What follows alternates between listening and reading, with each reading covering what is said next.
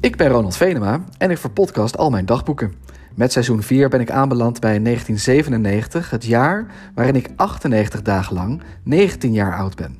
Bovenal een jaar waarin ik in mijn dagboeken nog altijd over alles onwijs eerlijk schrijf. In aflevering 52 dient crisis nummer 4 zich aan, waar Bassie en Adriaan een hoofdrol in hebben. Vraag ik me af waar slochteren ligt en geef ik bij geschiedenis een totaal verkeerd antwoord, waardoor de lerares zich zorgen maakt over mijn kennis van het verleden.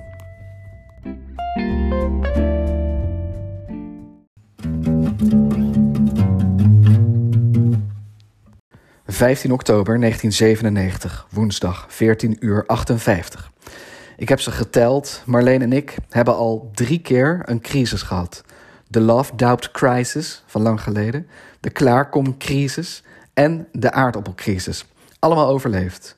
We hebben ons zojuist in crisis nummer 4 gestort. Volgens mij niet een hele grote. Deze crisis tussen Marleen en mij noem ik de Bassie en Adriaan crisis. Vannacht bleef ik bij Marleen slapen, door de week, maar dat kan, want het is herfstvakantie. Herfstvakantie betekent uitslapen. Maar Marleen zette vanmorgen op haar slaapkamer toch al om 10 uur de tv aan.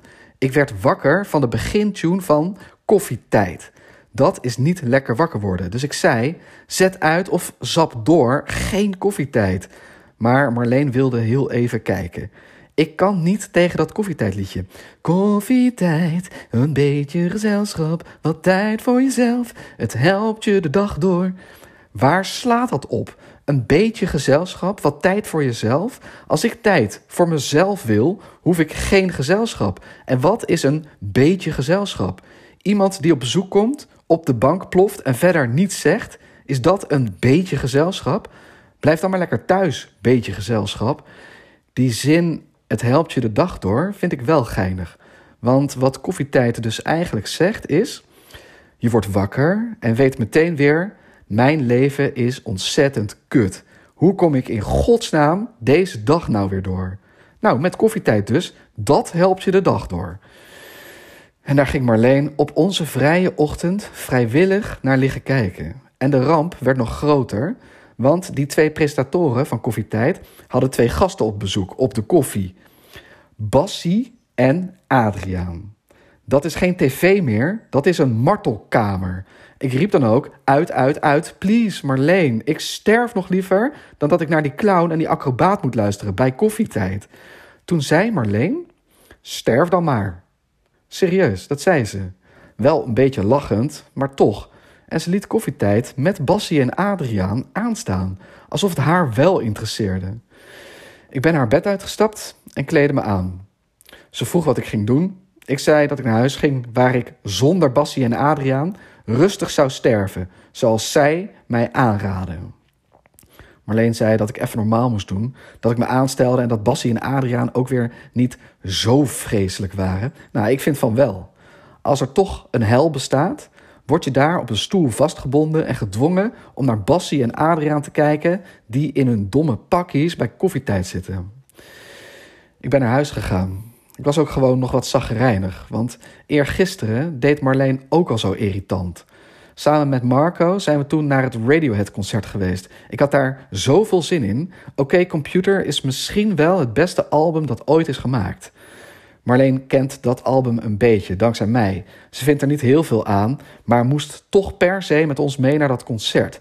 Aan het begin van het optreden van Radiohead stootte iemand haar per ongeluk hard aan, waardoor Marleen haar biertje liet vallen. Haar hele broek zat onder, natte benen van het bier.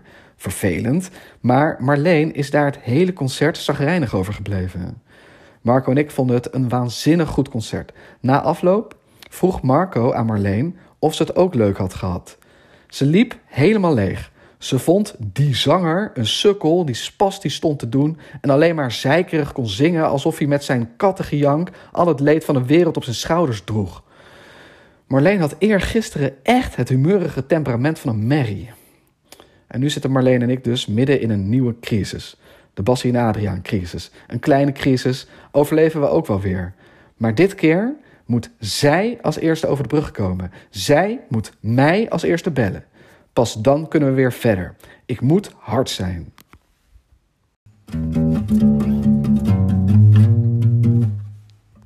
16 oktober 1997, donderdag, 10 uur 12. Marleen heeft nog niet gebeld en ik bel haar niet, de groeten. Ik denk wel dat ze vandaag belt.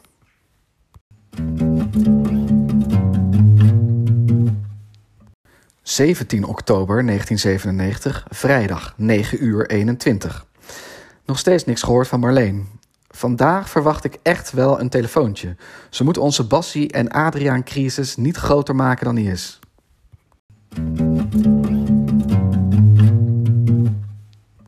...18 oktober 1997, zaterdag, 7 uur 43.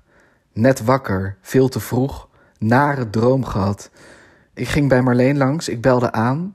Niemand deed open, maar ik heb een sleutel, dus liet ik mezelf binnen. Ik riep een paar keer in de gang: Hallo, is er iemand? Marleen? Geen reactie. Ik ging de trap op naar Marleens kamer. Voor haar deur stond een vent in een blauw-zwart pakkie.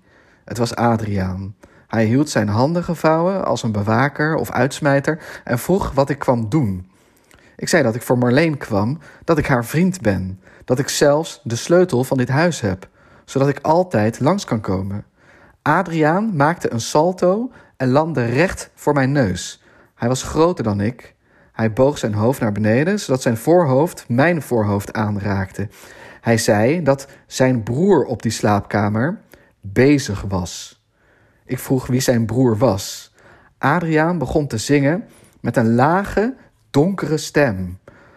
Adriaan is acrobaat, maar Bassie is het pure kwaad. Ik schrok wakker. Ik ga Marleen zo bellen. 10 uur 39, zelfde dag. Ben ik weer. Ik heb Marleen thuis wel acht keer gebeld, maar ze zijn de hele tijd in gesprek. Dus iemand heeft daar een heel lang telefoongesprek, of er zit iemand de hele tijd op internet. De kans dat de telefoonlijn is doorgesneden door Bassie de killerclown... die vervolgens de hele familie Bakker heeft uitgemoord, is niet groot. Ik fiets zo even langs haar huis.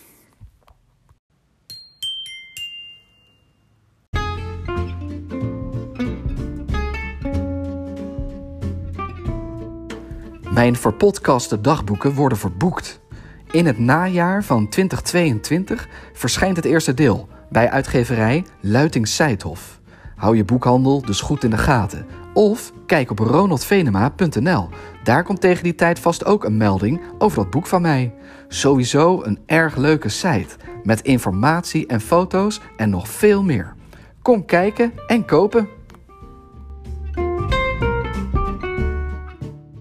Mega cool, onwijs tof, mijn boek bij Luiting Seidhof.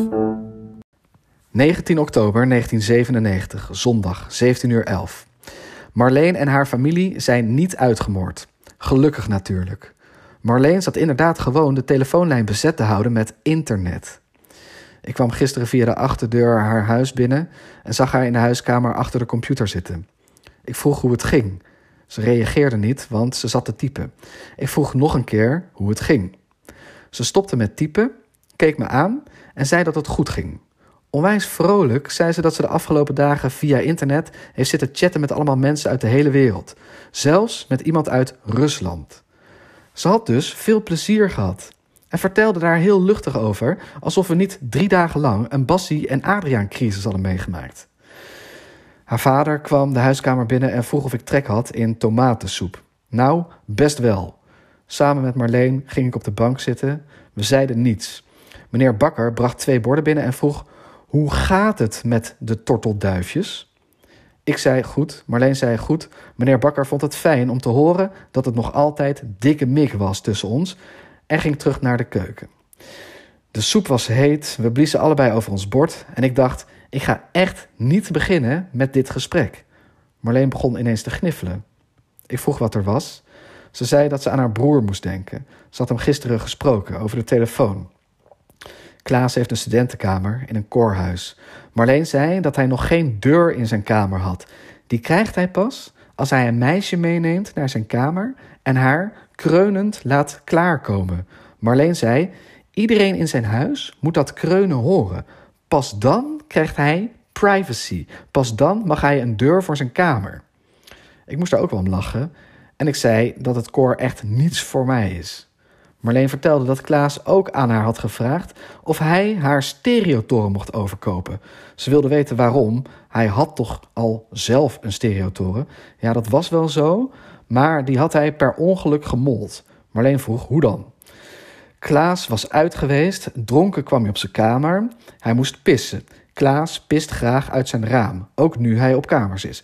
Dus hij klom op zijn bureau en klapte het raam open. Lekker naar buiten pissen, ramen weer dicht, niets aan de hand. Maar ineens bleek zijn stereotoren, die ook bij het raam staat, zeiknat. Marleen proestte het uit. Ze zei: Die lul had dus met zijn dronken kop en misschien met tegenwind over zijn stereotoren gezeken. Klaas heeft zijn stereotoren kapot gepist. Ik lachte keihard met haar mee. Samen lachen. Zo fijn. Ik had haar toch wel gemist. Ik gaf haar een zoen. De Bassie en Adriaan crisis is bezworen.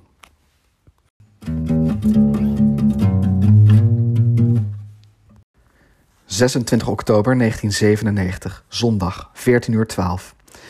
Volgens Marleens moeder is het NRC Handelsblad de beste krant van Nederland. De familie Bakker heeft al heel lang een abonnement. Ik lees die krant af en toe als ik bij Marleen ben. Het is inderdaad een goede krant, maar ook wel saai. En lang niet alles wat erin staat is goed. Vannacht was ik bij Marleen blijven slapen. Vanmorgen bladerde ik wat door hun NRC. Erg veel economie, ik heb economie 1 en 2 in mijn vakkenpakket. Je zou kunnen denken, dat is dan wel wat voor jou, Ronald. Nee, dat is het niet. Economie 1 heb ik alleen maar als achtste vak genomen. Als het fout gaat met mijn eindexamencijfers, kan ik dat vak altijd nog laten vallen. Ergens achter in de krant kwam ik een pagina tegen die mij erg interessant leek. Bijna die hele pagina bestond uit een dagboek. Een vrouw van in de 50 had per dag bijgehouden wat ze de afgelopen week had beleefd. Ik dacht, wat cool. Dus ik begon het meteen te lezen. Deze oude vrouw had deze week getennist, boodschappen gedaan. Ze was gaan bridgen. Ze had een vioolconcert bezocht. En dronk een wijntje met haar man, die burgemeester was van Slochteren. Who gives a fuck? En waar de neuk ligt, Slochteren. Oh ja, zij zelf was voorzitter van een vereniging van huisvrouwen. En ho, super spannend. Die vereniging ging precies deze week hun website lanceren. Heel feest eromheen, alleen maar voor een huisvrouwenwebsite. Een website waar huisvrouwen waarschijnlijk kunnen lezen hoe super saai het leven van andere huisvrouwen is. Jezus. Ik verwacht gewoon heel wat anders als iemand een dagboek bijhoudt eerlijke dingen. Dat die vrouw bijvoorbeeld stiekem zit te geilen op haar jonge buurman die altijd halfnaakt door zijn tuin loopt. Of dat die burgemeester van Slochteren van haar weer te laat thuis was en stonk naar alcohol. Waarna hij haar eindelijk opbiechte dat hij een cocaïneverslaving heeft. Maar nee, zij moet melden dat ze op een ochtend een uurtje aan aqua aerobic doet. Kill me now. NRC, stop hiermee.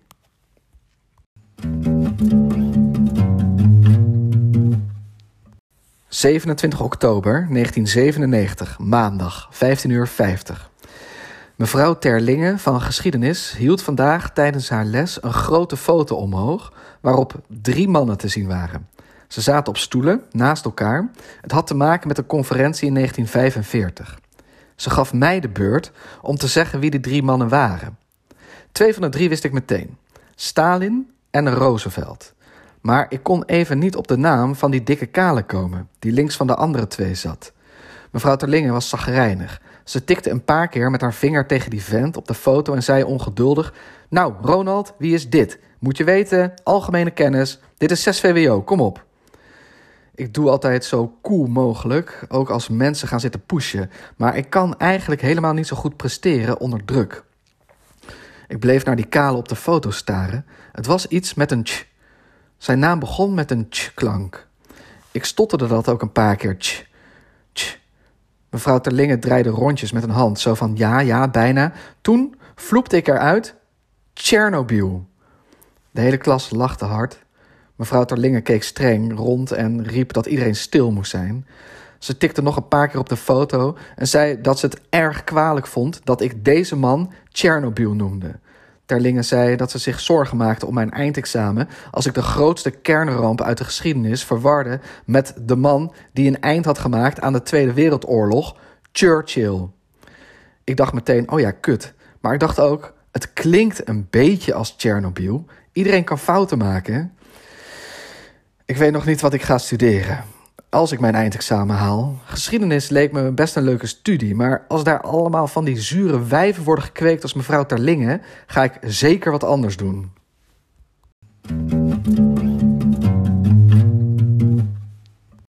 ...1 november 1997, zaterdag, 14 uur 22.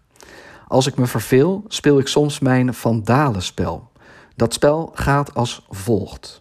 Ik pak een van de drie delen van mijn Vandalen. Ik sla dat deel zomaar ergens open. En ik pik er blind één woord uit. Zo leer ik steeds meer woorden kennen. Het is erg leuk. Pagina 3021. Tartaan. Volgens de Vandalen een klein licht overdekt vaartuig met een grote mast met Latijns zeil en kluiver en een kleine mast achterop in de Middellandse Zee, voornamelijk op de kust van Italië gebruikt. Twee minuten geleden wist ik niet eens van het bestaan van een tartaan. Nu weet ik wat het betekent, ongeveer. Als ik ooit naar Italië op vakantie ga en we zitten op het strand en er zeilt iets voorbij met een grote mast, kan ik zeggen: zou wel eens een tartaan kunnen zijn. Die vaartuigen zie je veel hier.